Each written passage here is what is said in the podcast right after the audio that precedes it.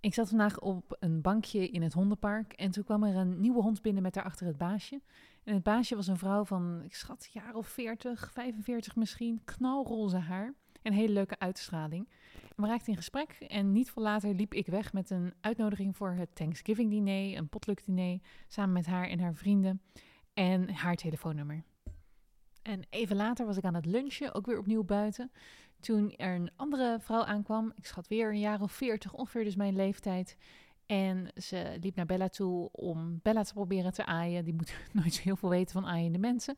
Maar opnieuw, een hele leuke vrouw, raakte in gesprek. En we liepen weg met de afspraak dat wij aankomende donderdag om 8 uur ochtends gaan wandelen. Uh, hier in de omgeving. Kortom, voor de vriendschappen AK Sociaalheid is het vandaag een goede score. Twee telefoonnummers gescoord. Ik wil deze aflevering over vriendschappen praten. Over vriendschappen maken, nieuwe vrienden maken. Over alle misvattingen en gedachtenswitches die ik over vriendschappen moest hebben in de, in de afgelopen tijd. We leren op de middelbare school allemaal een bepaald iets over je vriendjes en vriendinnetjes. En ik moest dat volwassener maken voor mij, die mindset daarover. En de manieren waarop ik vrienden maak en de manieren waarop ik vriendschappen stop of opzeg. Om met het allereerste te beginnen, die, die mind switch die ik moest maken. Ik kwam van een achtergrond waarvan denk ik de meeste van ons wel een beetje komen. Met het idee dat je op de lagere school of de middelbare school een klein vast clubje met vriendinnen hebt. En dat misschien eentje daarvan jouw beste vriendin is. En dat die beste vriendin, daar doe je alles mee. En toen ik naar de universiteit ging, was, weet ik nog dat ik een beetje gespannen was over met wie ik daar vrienden zou worden en wie ik bij mijn studentenvereniging zou bevrienden. Want ik had ook heel erg in mijn hoofd dat je studententijd, hoorde ik altijd van, daar maak je de vrienden voor de rest van je leven. Die neem je altijd mee. Nou, als ik nu in mijn leven om me heen kijk, heb ik helemaal niemand meer van de middelbare school of de universiteit of de lagere school. Sure, op een vriendelijke wijze contact, maar ik zou het niet tot een van mijn allerbeste vriendinnen rekenen. Ik weet nog dat er een jongen was met wie ik aan het daten was, die dat een enorme rode vlag vond. misschien heeft hij daar ook wel gelijk in hoor. Maar hoe ik er zelf naar kijk, is dat ik denk dat je ontzettend veel verandert. En hoe meer jij verandert in je leven, en ik ga toch echt wel door grote cycli van veranderingen heen, hoe moeilijker het zal zijn om op precies hetzelfde niveau met de vrienden om te gaan, die misschien een hele andere richting op veranderen of heel weinig veranderen en daar helemaal oké mee zijn. Je groeit uit elkaar en dat is eigenlijk een heel goed ding en een heel gezond ding. Ik bedoel, ik ben in ieder geval erg blij dat ik telkens mij ontwikkel en ik mij, als zolang ik mij maar elke keer terug kan kijken en denken, oh ja, top, ik heb een leuke kans op ontwikkeld, gaat het wat mij betreft goed. Ik wil trouwens niet zeggen dat ik dat makkelijk vind hoor. Ik ben noodwaar dat ik echt eh, heel erg loyaal ben tot, uh, tot een valt een van de moeilijkste dingen vond ik de vriendschap die ik had met een van mijn allerbeste vriendinnen, die ik al vanaf mijn elfde had. En waar ik zo verschrikkelijk gek op was en ben nog steeds. Maar het ging gewoon de laatste tijd niet meer. En dat is niet, geen ruzies, geen, geen dingen tussen ons, maar meer onze interesses die een andere kant op liepen. Onze vriendschappen die een andere kant op, opgingen. Onze, onze rest van de vrienden. Het was, het was gewoon niet meer wat het was. En dan wilde ik eigenlijk nog heel graag ik heb me zeker nog langer aan die vriendschap vastgeklampt. Omdat ik dacht van, ja, maar je bent toch soort van bijna mijn zus. Je bent, je bent mijn alles. Um, terwijl ik eigenlijk al eerder had moeten kijken en toegeven van, oh maar wacht, zoveel overeenkomsten hebben we niet eens. We vinden het niet eens leuk om over dezelfde dingen te praten. We zijn niet eens, we hebben zo'n ander beeld van de wereld en hoe we in de wereld staan gekregen. We vinden andere dingen leuk qua tijdverdrijf. We lezen andere dingen, we kijken andere dingen. We zijn letterlijk eigenlijk op bijna geen enkel vlak, behalve onze gedeelde historie en dat we van elkaar houden als mens, zijn wij eigenlijk nog, passen we bij elkaar. En ik zal het in het eind van de podcast een beetje meer hebben over het loslaten van vriendschappen en hoe ik dat precies doe. Maar ik wil maar even zeggen, het is niet, niet altijd simpel om dat voor jezelf ook toe te kunnen geven. En te kunnen besluiten van oké, dit moeten we loslaten. Daar komt een van de dingen die ik weer heb geleerd als um, volwassene, denk ik, in volwassen vriendschappen. Het is ook weer zo dat je het niet per se voor altijd hoeft te los, los te laten. Waar ik vroeger veel meer dacht van vriendschappen zijn voor eeuwig, kan ik nu heel goed zien dat vriendschappen prima zijn als die voor een bepaalde fase zijn. En kan ik daarmee, omdat, omdat ik dat beter accepteer, van oké, er zijn in bepaalde fases heb je misschien behoefte aan een klankbord over iets. Ik kan me bijvoorbeeld voorstellen dat als je zwanger bent, of laat ik even een voorbeeld van mezelf nemen. Nu ik een hond heb, vind ik het superleuk om met andere hondenbezitters bevriend te worden. Omdat ik dan over honden kan praten. Op het moment dat ik ondernemer werd, was ik heel doelbewust op zoek naar andere meiden die ondernemer waren. Als ik op zo'n moment daarvoor ook echt dus nieuwe vrienden zoek, dan zeg ik dat ook altijd gelijk er eerlijk bij. hey, ik vind het superleuk dat jij ook een hond hebt, want ik heb nog helemaal geen vrienden met honden. Zullen we een keer samen de hond uitlaten? Of wow, je hebt een onderneming en ik wil graag ondernemer worden. Vind je het leuk om samen met mij bijvoorbeeld samen in een cafeetje te werken en over ondernemersdingen te praten? Dus dan maak ik ook precies duidelijk van, dit is het stukje wat me nu zo aantrekt aan jou. Zullen we dat eens vaker gaan doen? Zullen we activiteiten gaan doen die daarmee te maken hebben? Daar komt dan weer een realisatie die ik moest veranderen. In het begin dacht ik altijd, een vriend of een vriendschap, die heb je dus voor alle dingen. Maar ik ben nu veel erg duidelijker in, oké, met deze vriendin vind ik het heel leuk om bijvoorbeeld te wandelen. Met deze vriendin vind ik het heel fijn om te praten over oude familiepatronen. Deze vriendin bel ik vooral op als we het over ondernemen willen hebben. Dus ik weet precies bij welke vriendin ik voor wat voor soort behoefte bijna kan zijn, als je het zo kan zeggen. En dat maakt de verwachting en de teleurstelling in een vriendschap heel anders, veel, veel fijner. Want als jij verwacht van de vriendin met wie jij hartstikke leuk kan praten over de honden en een wandeling maken, maar als je ook van haar verwacht dat zij het heel erg leuk vindt om met jouw pretparken te bezoeken of over haar ouders te praten en zij heeft niet op dat niveau zin om zich te openen of die emotionele intelligentie heeft ze niet beschikbaar op dat moment voor jou om daarover te praten. Dan raak je teleurgesteld. Dan denk je, oh, dit is dus niet een leuke vriendschap. Maar op het moment dat jij gewoon weet, dit is vooral een leuke vriendschap, omdat we het ontzettend leuk over de honden kunnen hebben, heb je dus minder verwachtingen, hoge verwachtingen van die vriendschap. En is het oké dat je ze misschien niet, als jij wil uithuilen over, over iets, dat zij er dan op dat moment goed voor jou kan zijn? Betekent dat niet dat zij niet de goede vriendin is? Ze is op dat moment niet de goede vriendin voor die activiteit of die behoefte die je hebt. En ik vind het nu dus heel leuk om naar mijn vriendschappen te kijken als een soort van waaier of een menu van, oh wat leuk. Er zijn zoveel verschillende karakters met zoveel verschillende eigenschappen en leuke dingetjes. En ik kan bij deze kan ik daarvoor terecht en bij deze kunnen we daarvoor, daarvoor terecht. En ik weet dat deze vriendin graag mij hiervoor opbelt en die vriendin belt mij juist voor dat stukje op. En dat het eigenlijk ja, een verscheidenheid is aan activiteiten en dingen waar je over kan kletsen met verschillende mensen. Hetzelfde geldt wat mij betreft voor de manier waarop je communiceert. Ik probeer ook daarin te snappen dat er gewoon een variëteit is aan hoe mensen contact zoeken. En dat ik niet bijvoorbeeld de regel maak: oh, diegene heeft me nu drie weken niet gebeld. Dat betekent dat diegene mij niet leuk vindt. Dat betekent dat we geen goede vrienden zijn, helaas. Nee, ik weet dat de ene vriendin, Lianne bijvoorbeeld, daar bel ik dus bijna elke dag mee. En met de andere vriendinnen ben ik bijvoorbeeld degene die vooral zal bellen. En hoor ik niet zo snel dat ze mij terugbellen. Of die sturen eerder een sms'je in plaats van dat ze opbellen. Ik heb meestal voor mezelf in de fases van mijn leven heb ik ongeveer twee of drie vriendinnen die echt heel dichtbij staan. Die ik dus sowieso minimaal één keer in de week spreek. Of met wie ik afspreek. In ieder geval het, het soort vriendin die je als je een ontzettende baalbuik bent of kaart aan het huilen bent, dat je die vriendin kan bellen en er een uur lang aan de telefoon huilend over kan gaan vertellen. Maar ook hiervan heb ik weer losgelaten dat dat dus alleen maar bij jouw beste vriendinnen kan, als je snapt wat ik bedoel. Want waar ik vroeger op de middelbare school bijvoorbeeld me misschien genant zou vinden om dat bij een andere vriendin te doen of denken, ja, maar zo close zijn we niet of we hebben die relatie niet ben ik daar nu ook veel makkelijker in dat ik denk van, hey, misschien kan ik dit ook wel gewoon doen als ik daar nu de behoefte toe voel. Of een heel open gesprek te hebben met iemand die ik maar één keer in, de, in het jaar spreek. Of één keer in de twee maanden aan de telefoon spreek.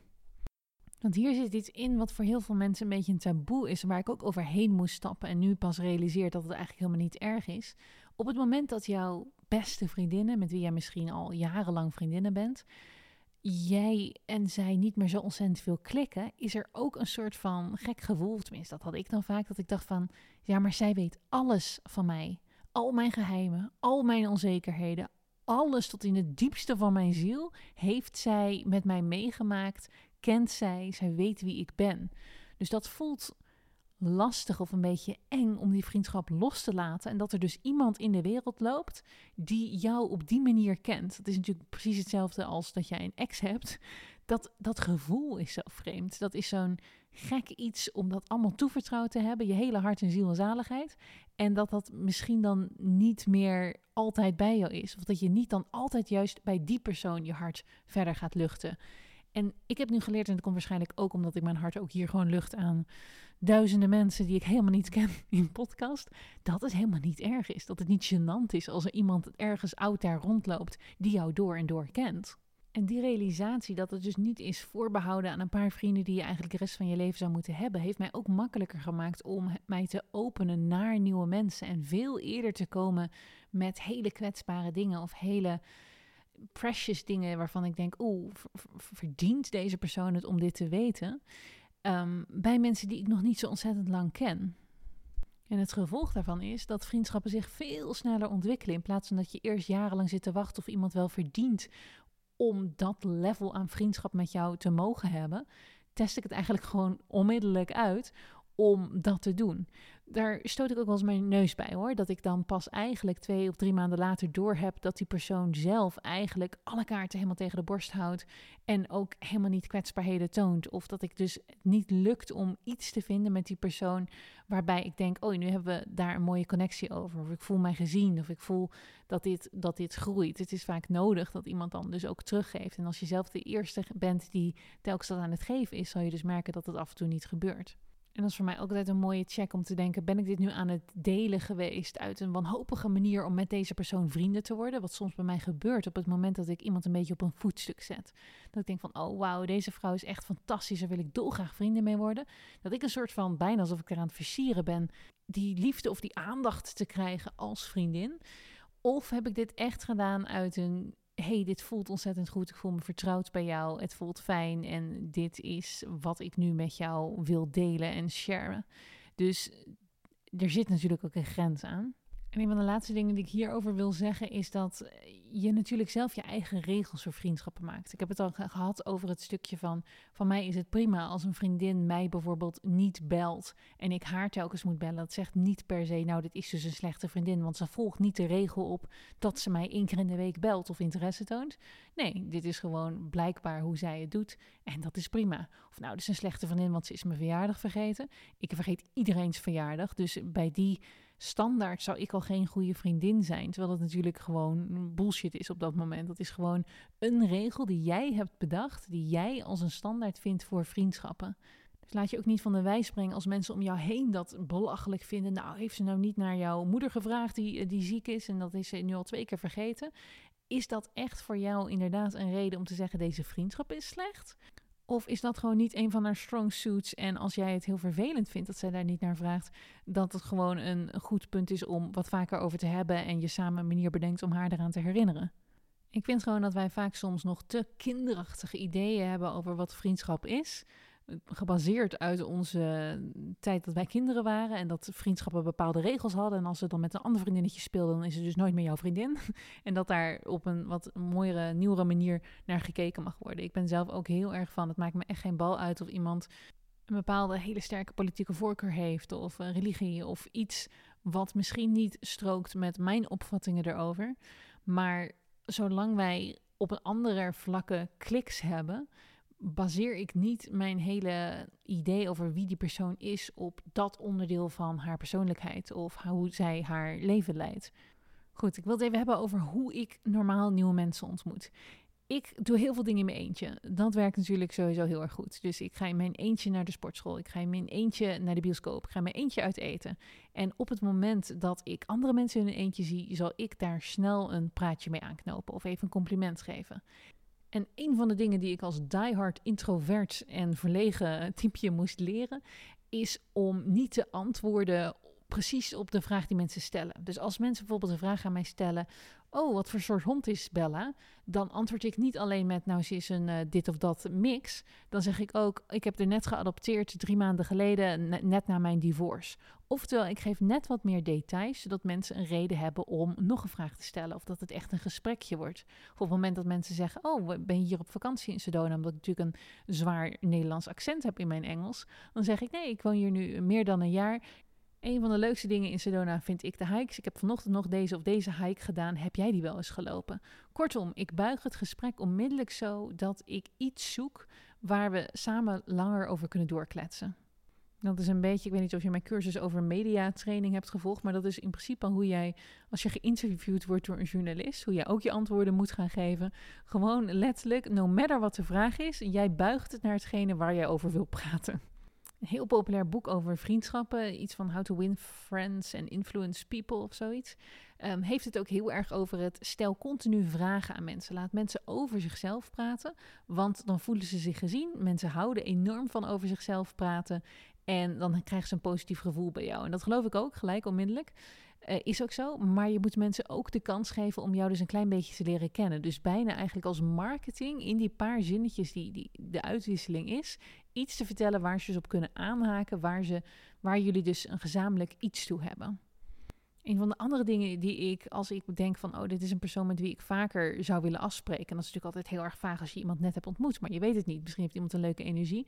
Probeer ik eigenlijk zo snel mogelijk behulpzaam te zijn. Dus als ik hoor dat diegene net nieuw is in Sedona, en dan zeg ik, oh, weet je wat, er is hier een heel leuk restaurantje. Wacht, ik heb het even naar je toe. Of ik heb hier een artikel over gelezen over hetgene waar je nu over praat. Anders zoek ik dat thuis even op en stuur ik het naar je op. Dus kortom, zoek iets waarmee jij die ander kan helpen. Ehm, en op die manier langer in contact kan blijven. Op het moment dat je dus allebei besluit van... hé, hey, ja, dat lijkt me leuk. Ik zeg ook altijd gewoon echt letterlijk... wow, ik vind jou... Uh, wat heb je leuke uitstraling? Wat, uh, zullen, we, zullen we een keer samen wat koffie drinken? Want ik heb bijvoorbeeld nog niet zoveel vrienden hier in Sedona. Of zoals het vanochtend met de vrouw met het roze haar ging. Dat ik zei van superleuk, je hebt ook een hond. Ik vind het leuk om meer vrienden met honden te hebben. Kunnen we ze af en toe samen een hike doen met de honden? Dat is ook precies de manier waarop ik met Clara, dat is nu een van mijn allerbeste vriendinnetjes hier, bevriend ben geraakt. Ik had een hond, zij had een hond en we spraken af om die zondag te gaan wandelen met de honden. En dat is gelijk een van mijn allerbelangrijkste tips die ik ook op Instagram al heb gezegd. Maar maak gelijk een afspraak. Dus op het moment dat je denkt van, oh ja, dit klikt, laten we nummers uitwisselen. Bij mij werkt het bijna altijd zo dat als ik random nummers met iemand uitwissel, dat er niet echt meer iets van komt. Dus ofwel, want dan moet je thuis, moet je toch over die drempel heen zetten om iemand te gaan appen om iets af te spreken. En dan moet het heen en weer geappt worden wanneer het dan handig is. En dan wordt misschien over twee weken een datum afgesproken, et cetera, et cetera. Ik hou ervan om gelijk dan en daar te zeggen, hey, zullen we dan samen eens een keer dit gaan doen? Wat denk jij van donderdagochtend 8 uur? Dus je bent toch bij elkaar, pak die agenda, doe onmiddellijk die afspraak maken. En dan heb je inderdaad een afspraak met een wild vreemde, bijna als een, als een blind date. Maar dat is nou eenmaal hoe het natuurlijk gaat met nieuwe mensen ontmoeten. Een paar andere random tips. Ik hou er heel erg van om goed op te letten met wat voor soort liefdestaal ik te maken heb bij mensen. Dat is soms een beetje raden. Maar als je het boek hebt gelezen over de verschillende liefdestalen. Ik zit nu even te je denkt natuurlijk wat is de titel? Vijf talen van de liefde, Gary Chapman. Die heeft een boek geschreven over de verschillende manieren waarop mensen liefde uiten. Dus de een doet dat met complimenten, de ander doet dat met knuffels, de andere komt met cadeautjes aanzetten. En ik let erop in de eerste fases van een vriendschap wat voor soort taal die ander waarschijnlijk zal hebben. Dan probeer ik ook die taal te beantwoorden. Dus als diegene gelijk op de eerste afspraak met een cadeau aankomt, weet ik, oké, die waardeert cadeautjes. Laat ik de volgende keer een cadeautje meebrengen. Het allerengste aan nieuwe mensen ontmoeten en op die manier een, een vriendschap aangaan, is natuurlijk het stukje: ik ben bang voor afwijzing. Wat als deze persoon helemaal geen vrienden nodig heeft. Ik heb dat helemaal van me afgezet, want ik denk uiteindelijk dat iedereen die bijvoorbeeld. De mensen met wie ik klik zijn vaak geïnteresseerd in, in groei, in zelfontwikkeling. Niet per se iedere vriendschap die ik heb is daarin geïnteresseerd. Is niet dat elke vriendin dat heeft. Maar dat zijn wel vaak de mensen met wie ik het meeste klik. En als ik denk mensen die geïnteresseerd zijn in zelfontwikkeling, die zijn dus ook geïnteresseerd in nieuwe mensen leren kennen. Want dat is een één op één um, gevolg daarvan. Als jij groeit, dan heb je dus ook continu behoefte aan nieuwe input om je heen en aan nieuwe mensen om je heen. Dus ik ga er gewoon van tevoren al van uit dat het waarschijnlijk leuk is als zij, als ik met diegene afspreek en dat die dat waardeert, omdat er dan een nieuw persoon in haar leven is met wie ze andere dingen kan gaan bespreken. En ik vraag echt links en rechts telefoonnummers van mensen. En ik heb letterlijk nog nooit gehad dat iemand dat bot geweigerd heeft. Dat iemand heeft gezegd van nou nee, ik wil je nummer niet geven. En als je het heel eng vindt om een nummer te vragen van iemand, een van de trucs of dingen die je ook kan doen. Het lijkt bijna of ik versiertips aan het geven ben, maar is zeggen dat je bijvoorbeeld, er was een, was een vrouw in de sportschool, die vond ik leuk, vond ik inspirerend. Ik denk, oké, met jou zou ik al koffie willen drinken. En die was een makelaar. Dus het enige wat ik dan zeg is van, oh, ik ben nog op zoek naar een huis. Laat ik je nummer noteren en dan kan ik je opbellen. En ik heb dat dus nooit gedaan, dat ik met die persoon dus, dat is dat stukje, dan moet ik toch thuis die drempel over om te gaan teksten. En dan vind ik het dus enger. Ik had beter op dat moment om me te kunnen zeggen. En ik zie dat je vaak in de sportschool bent. Vind je het leuk om een keer samen af te spreken in de sportschool? Of vind je het leuk om een keer een ijsje daarna te eten? Waarschijnlijk geen ijsje, maar watertje of wat het ook maar zal zijn voor mensen die in de sportschool zijn. Maar het is echt makkelijker om zo snel mogelijk die date te plannen. Eigenlijk bij het eerste gesprek, vind ik al. Wat ook heel goed werkt voor vriendschappen, en dat is eigenlijk het niveautje verder of de fase verder, vind ik zo snel mogelijk een weekendje weg. Dat verbroedert, dat zorgt ervoor dat je echt urenlang bij elkaar in de buurt bent. Dat zorgt ervoor dat je elkaar in de ochtend ziet, dat je elkaar bij het ontbijt ziet. Clara en ik hebben dat gedaan vrij snel, dat we met z'n tweetjes naar Phoenix zijn gegaan toen we net vriendinnen waren. Daar een Airbnb'tje hebben geslapen. Het de, gewoon het aantal uren wat je dan bij elkaar bent. En dat het niet maar één activiteit is en dat je dan na twee uurtjes allebei naar huis gaat. Maar dat je echt eventjes met elkaar zit opgescheept.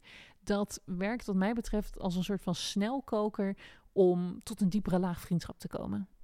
Dus opnieuw, vrij snel in een vriendschap zal ik waarschijnlijk voorstellen: zullen we samen eens een nachtje hier of daarheen gaan? Of lijkt het je leuk? En daar komt de volgende tip aan.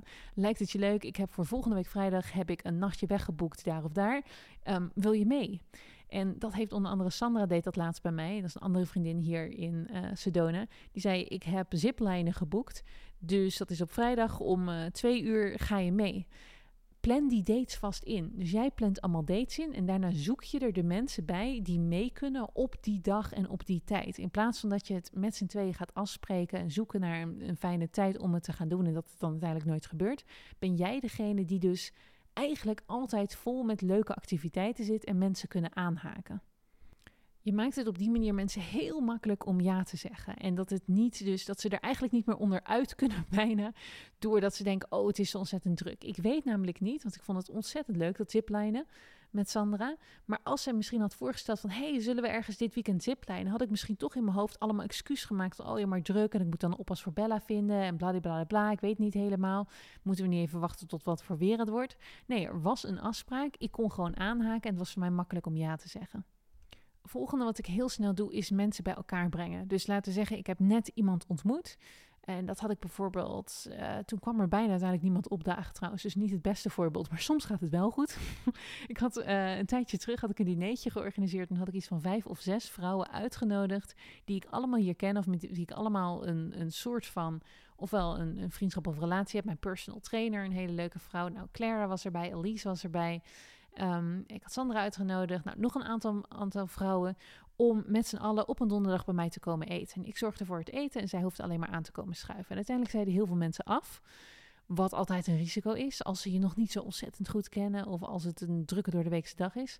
Maar er is ook vaak genoeg bij mij gebeurd dat dat juist ontzettend leuk was. Dat ik zei van hé, hey, ik heb nu een dinertje georganiseerd. En ik weet nog dat ik in Nederland, toen ik echt actief op zoek was naar um, allemaal miljonairsvrienden ook opnieuw, ik ben daar altijd heel, heel erg duidelijk in dat ik weet van oké, ik wil me nu omringen met mensen die sowieso allemaal een miljoen verdienen, omdat ik die nu niet in mijn omgeving heb. En als ik die niet in mijn omgeving heb, hoe kan ik dan gewend raken aan het feit dat ik een miljoen wil gaan verdienen?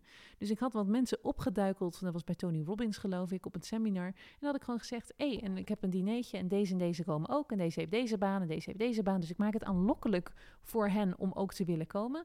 En zo hebben we toen echt een tijdje een leuk vriendschapgroepje gehad met wie we dus uit eten gingen. Met allemaal mensen die hartstikke succesvol waren en veel geld verdienen. En de enige schakel in dat hele groepje was eigenlijk ik die dat had georganiseerd. Nogmaals, het is een beetje 50-50 chance of dat goed gaat. Want soms hebben mensen, zeker als je het niet aanlokkelijk genoeg maakt wie er nog meer komen, vinden mensen het spannend en eng om naar een dinertje of naar een groepsuitje te komen waar ze heel veel mensen niet kennen. Dus de kans op afzeggingen is wat groter. Maar op het moment dat het wel slaagt, is het gelijk echt vaak heel erg gezellig en is iedereen dankbaar omdat ze opeens zes of zeven nieuwe interessante mensen hebben ontmoet. Ik ga bijna naar het hoe sluit ik vriendschappen af en hoe maak ik ruimte voor vriendschappen. Als allerlaatste een fijne tip is wat ik onder andere ga doen. En ik ben nu al een tijdje van plan, nog steeds niet gedaan, maar mijn leven kwam er een beetje tussendoor. Dat ik me aan ga sluiten bij een heleboel masterminds. En dat is opnieuw voor mij een manier om met mensen in contact te komen. Die ik misschien zo in het normale leven niet zo 1, 2, 3 tegen zou komen op straat.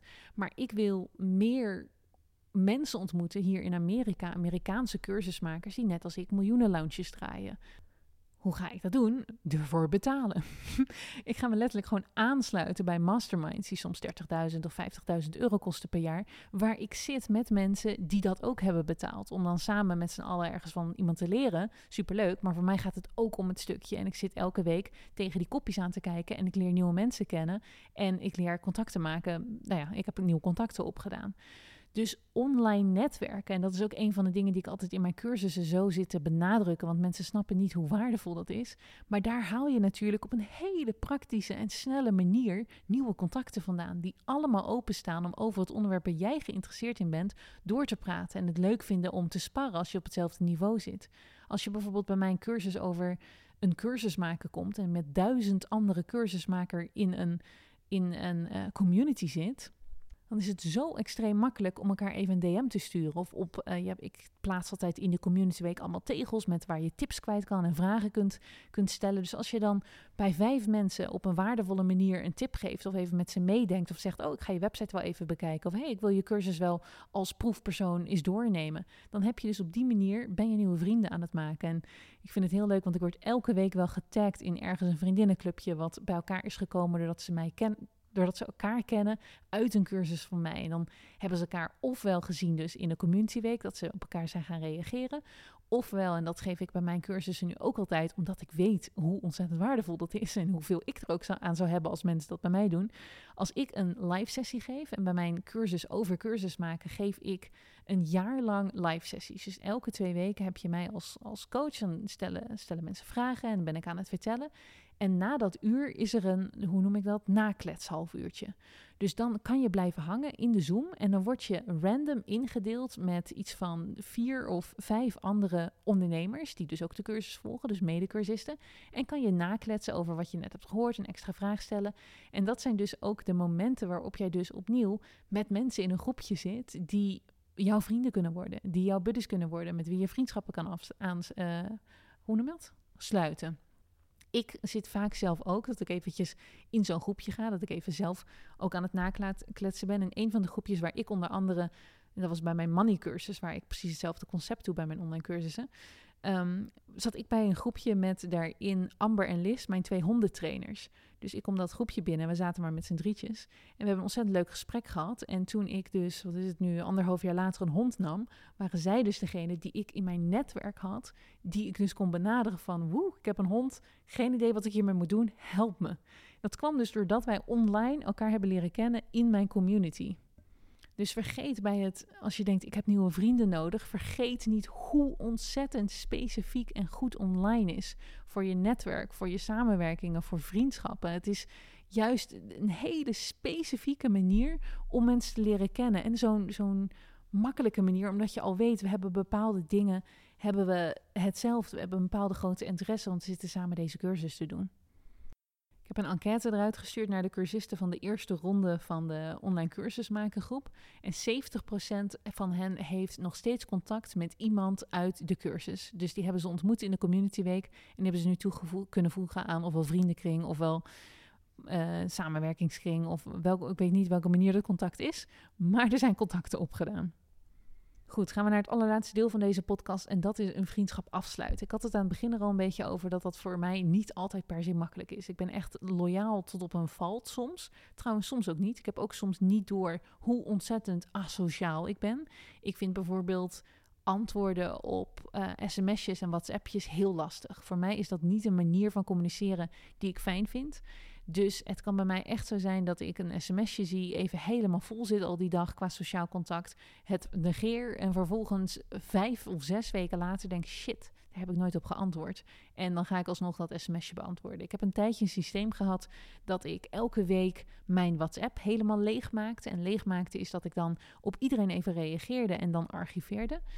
Wat ik daaraan merkte alleen is dat elke keer natuurlijk als iemand mij een sms'je stuurt en ik stuur een sms'je terug, dan wordt er weer een sms'je teruggestuurd. En zo ben ik dan eigenlijk toch uiteindelijk via sms aan het communiceren. En dat is gewoon echt niet een manier waarop ik graag communiceer. Want ik vind het, ik vind alle communicatie die alleen maar met tekst is, vind ik heel veel kleur verliezen. En ik ben korter af en dan, weet je wel, ben ik geneigd Als er dan staat, hoe gaat het met je? Ja, wat ga ik zeggen in, in tekst? A, mijn duimen zijn daarvoor te moe. Ik ben al zoveel op Instagram. Het is wel goed met dat type. En B, dat is veel te, veel te groot en te breed om dat eventjes in een, in een sms'je te stoppen. Ik vind het bijna altijd, hoe noem je dat? Uh, bijna een, een een vraag, uh, ja, die valt gewoon niet zo goed bij mij. En het is heel logisch dat mensen dat vragen. En waarschijnlijk zal ik dat ook af en toe aan iemand vragen van hoe gaat het, omdat het een gebruikelijk iets is om te vragen. Maar voor mij is bellen gewoon de nummer één manier om contact te hebben. Dus toen ik elke week die WhatsAppjes aan het beantwoorden was met een WhatsAppje terug, dacht ik, ja, dit is hem ook niet helemaal. Nu laat ik weer die WhatsAppjes openstaan, maar dat is ook niet. Dus ik heb nog niet de juiste manier gevonden om echt met alle mensen met wie ik contact heb, contact te blijven onderhouden. En daarin ben ik nu ook een shift aan het maken. Want ik denk ook, wat verwacht ik hiervan eigenlijk van mij? Wat verwacht ik bijvoorbeeld de vriendinnen die ik heb uit Bali? Ik heb een tijd in Bali gezeten, iets van drie, vier maanden. Heb ik ontzettend leuke vriendinnen opgedaan. En opnieuw, dat waren natuurlijk ook vriendinnen die dus in die fase heel goed bij mij pasten.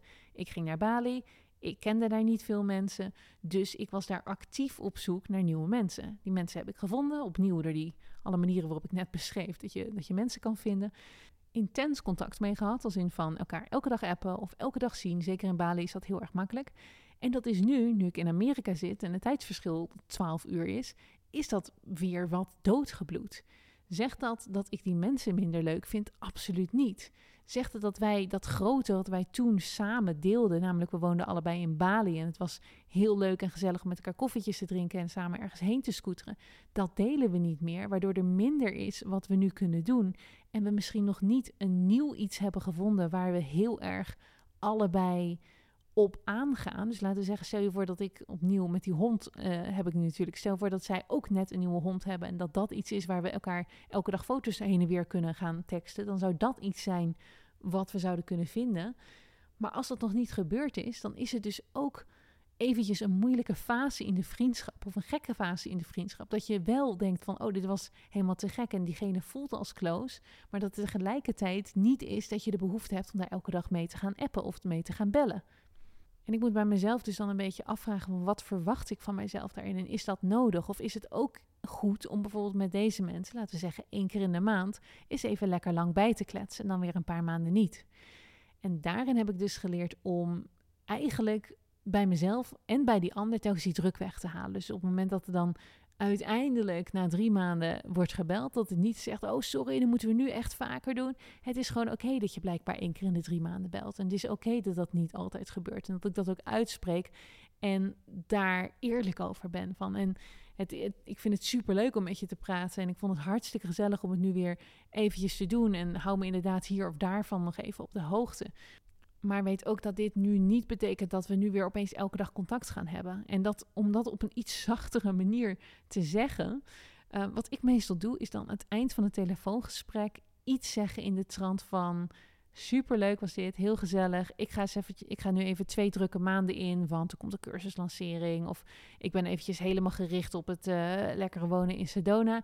Laten we zo meteen ergens in december weer even contact hebben daarmee natuurlijk wel ruimte openlatend voor die ander om dan te zeggen: pas in december, hou op met me, ik wil elke dag met je spreken. En als dat het geval is, kan je daar natuurlijk over doorpraten. Maar ik merk meestal dat dat voor de ander ook prima is. Of dat ik dan bijvoorbeeld zeg: superleuk en eh, je bent bezig met je baan, laat me over twee maanden horen hoe je baan nu is. Weet je dat je eigenlijk al een beetje in de vriendschap. Dus niet de valse verwachting gaat zetten. Ik denk dat ik daar vooral heen wil. De valse verwachting gaat zetten van, oh, en nu, nu gaan we weer heel veel contact hebben. Want dat zet zich dus dan door in een cyclus van eigenlijk teleurstelling en schaamte dat je dat niet aan het doen bent. Of dat dat dus niet lukt. Of dat je daar dus niet de ruimte voor hebt. Terwijl denk ik heel normaal is dat je dus verschillende vrienden hebt. En dat er een paar vrienden zijn met wie je inderdaad dat dagelijks contact hebt. En dat er een hele kring van mensen omheen zit met wie je niet dat dagelijkse contact hebt. Maar dit blijft van mij een beetje zoeken. Ik hoor ook wel graag jullie ideeën daar, daarover zelf. Als je zin hebt om zo meteen. Ik heb een reel nu in mijn Instagram gezet. waarin ik uh, deze podcast ook aankondig. En um, ik hoor daar ook wel graag jullie ideeën over. Want er is toch bij mij dan nog steeds sluimert er zo'n schaamte of iets van. Oh, wat ze zullen me misschien wel een enorme bitch vinden dat ik niet heb gereageerd. Of wat, wat, wat stom van mij, dat ik allemaal oordelen daarop heb.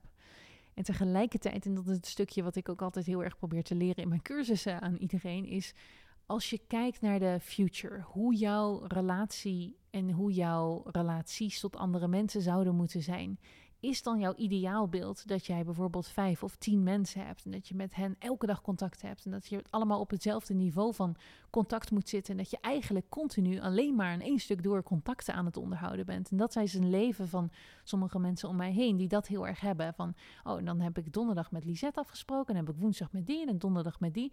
En eigenlijk gaat hun hele leven op aan sociale activiteiten om iedereen tevreden te houden, want je hebt weer lekker bijgekletst. En nu ben ik een introvert. Dus je moet even met dat idee ook deze podcast luisteren. Dus ik heb een hele podcast over het verschil tussen een introvert en een extravert. En een introvert haalt energie uit zichzelf. En die loopt langzaam een beetje leeg zolang je met andere mensen bent. En een extravert haalt energie uit andere mensen.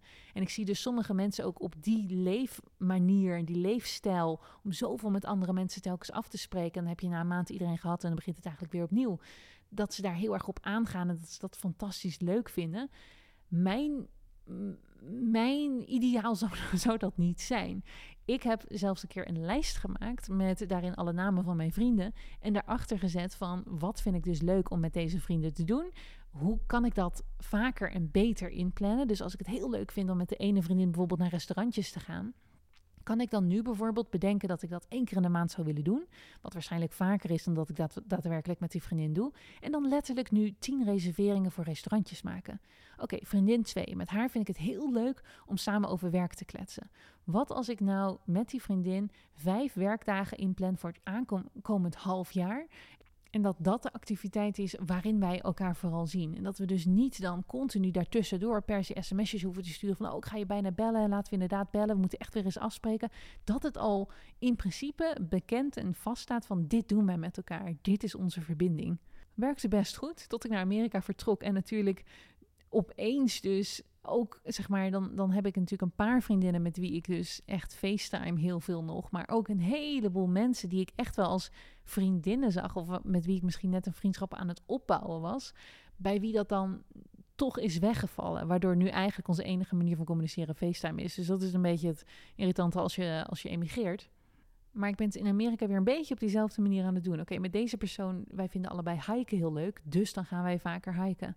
Deze persoon inspireert me ontzettend en is ontzettend leuk om samen naar yoga te gaan. Dus laten wij vaker samen yoga-klasjes bezoeken.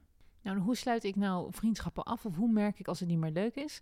Bij mij is een hele duidelijke indicator dat als ik leeg en moe voel en eigenlijk een beetje onrustig ben, dat ik denk van nou, oh, oké, afspraak is over, nu kan ik weer mijn eigen ding doen. In plaats van dat ik wegloop uit de afspraak met wauw, dat was superleuk en te gek dat is eigenlijk bij mij een hele scherpe indicator dat er iets daar fout gaat. En dan is het aan mij om te onderzoeken wat gaat er precies fout. Moet ik een masker op hebben met deze persoon? Moet ik mij kleiner maken dan dat ik ben? Ben ik juist eigenlijk de hele tijd een coach aan het spelen bij deze persoon? Dat zijn bij mij meestal de, de dingen die, die vaak fout gaan.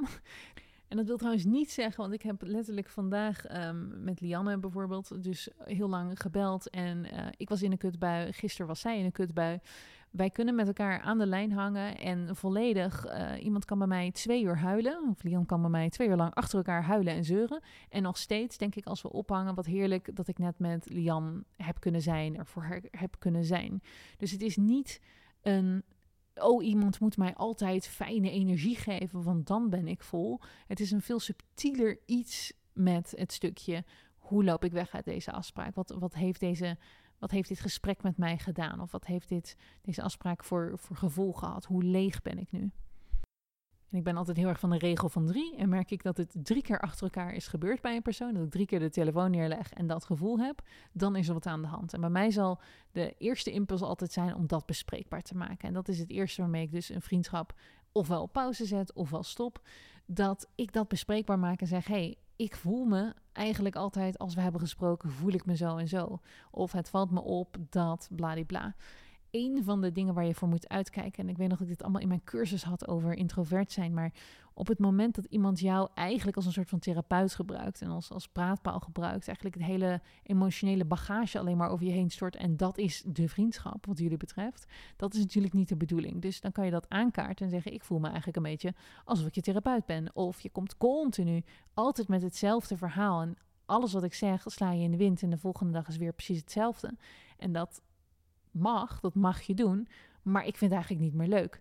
Je moet eigenlijk het probleem wat jij hebt een gezamenlijk probleem maken. Dus er is een probleem, want jij vindt het niet meer leuk. En als je je mond houdt, dan blijft het alleen maar jouw probleem. Maar als je het een gezamenlijk probleem maakt, dan maak je dus ook een probleem van de ander. Want de ander vindt niet meer met jou communiceren leuk. Dus de vriendschap gaat eraan. Dus diegene moet er wat aan veranderen. Of er moet een soort van ja, nieuwe manier van met elkaar omgaan komen. En meestal eindigen we het gesprek op twee manieren. Ofwel je besluit, laten we gewoon ehm, eh, doorgaan en kijken of het de volgende keer beter gaat. Ofwel, ik stel voor, laten we even een time-out doen. Laten we elkaar eventjes de rust en ruimte geven om door eigen dingen heen te gaan. Ik merk dat ik gewoon wat meer afstand wil hebben nu op dit moment.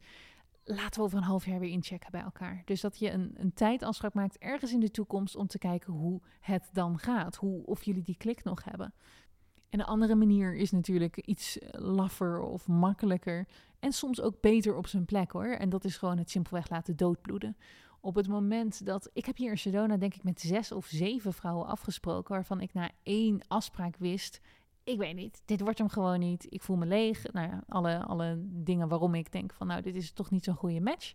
En dan spreek ik niet meer af. Wat in mijn geval betekent dat er gewoon niet van mijn kant nog een keer een uitnodiging komt. Dat ik heus wel reageer nog op een vriendelijk appje. En als ik merk dat diegene mij vervolgens continu uitnodigt voor dingen.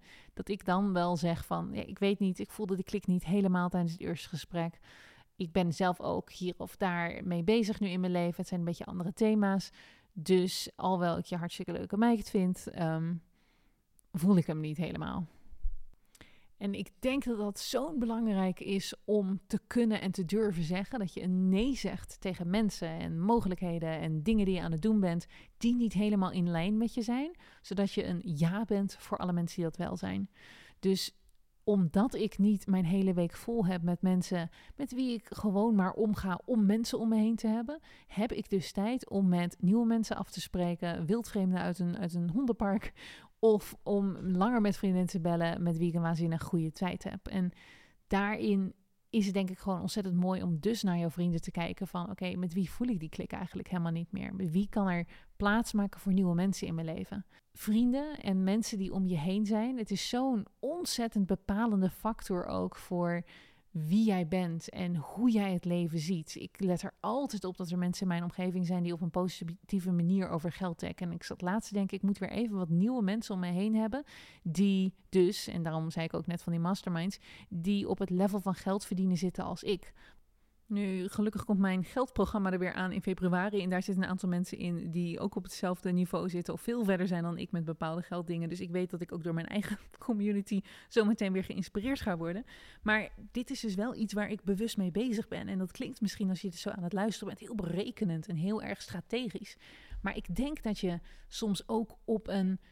Dat ook vriendschappen wat dat betreft meer gepland kunnen zijn. Dus dat het meer dat het niet dus toevallig zo hoeft te zijn dat jij nog vrienden bent met, met uh, Bessie toen je 12 jaar was. Maar dat je daar bewuster over kan nadenken en bewuster over de impact kan gaan denken over wat brengen de vriendschappen in jouw leven. En ik wil wel even nog een keer heel hard benadrukken dat het geen bal uitmaakt natuurlijk wat jouw vrienden doen of hoeveel geld zij verdienen of dat je alleen maar met rijke mensen moet omgaan.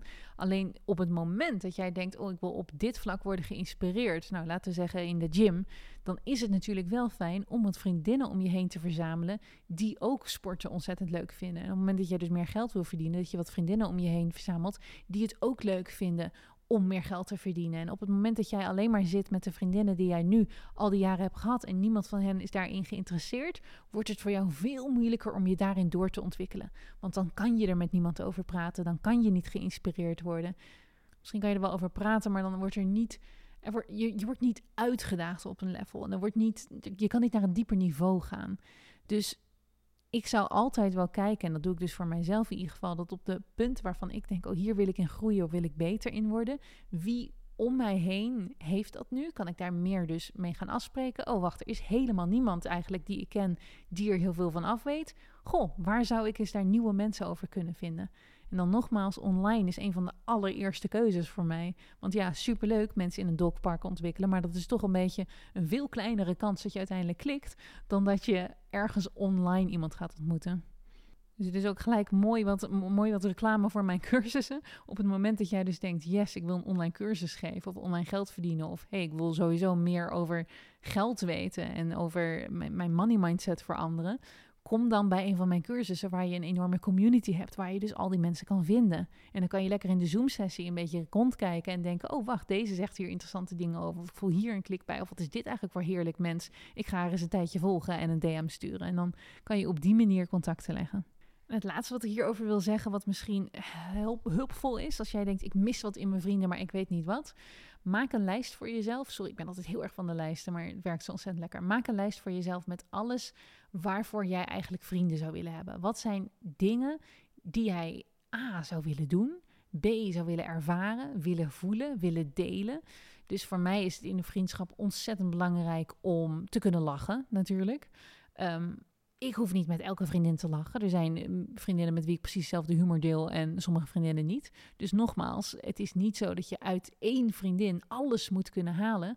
Maar dat als je naar die hele lijst kijkt met de dingen die jij graag met vriendinnen zou willen delen of doen, heb je dan genoeg vrienden daarvoor die dus al die dingen opvullen? Of moet je dan specifiek op zoek naar iemand met wie je meer kan lachen? Of met iemand met wie jij uitjes kan gaan doen of avontuurlijke dingen kan gaan doen?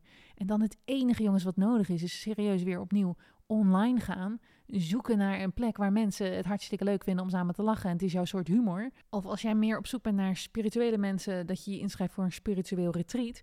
Retreat is trouwens een fantastische manier om nieuwe mensen te vinden. Want je zit letterlijk gedwongen met elkaar. Dat is het stukje wat ik eerder zei over ga zo snel mogelijk met een nieuwe vriend of vriendin een nachtje weg. Je zit letterlijk met elkaar opgesloten voor een aantal dagen. En je ziet elkaar in elke bui mogelijk.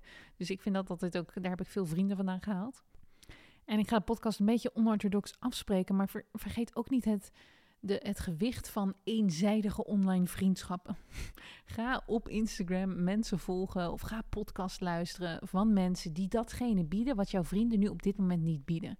Dus toen ik bijvoorbeeld een ondernemer wilde worden, had ik geen ondernemersvriendinnen, echt zero.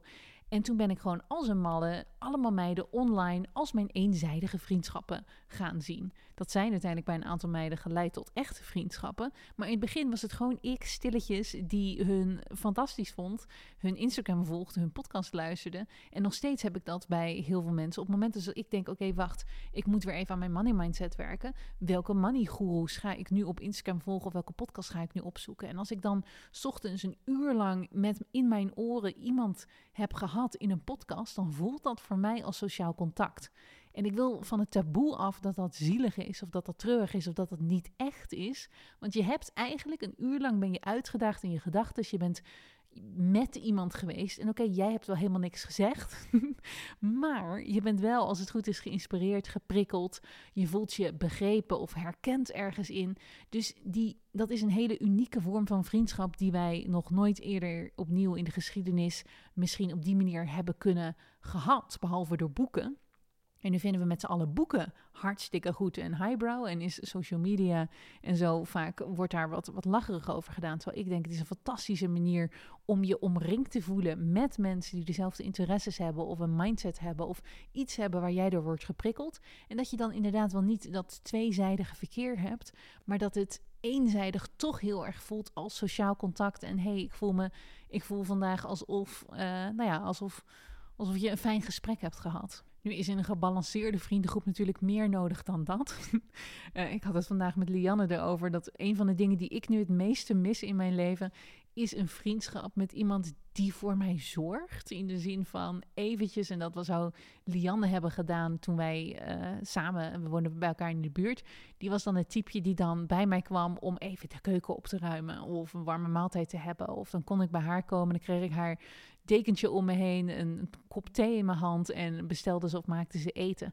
Dat stukje, daar heb ik hier nog niet een vriendschap in gevonden die dat op die manier opvult. Nou, dat ga ik ook niet vinden in een podcast of een online vriendschap. Het moet toch echt daadwerkelijk uit een vriendschap komen die daadwerkelijk bij mij in de buurt woont.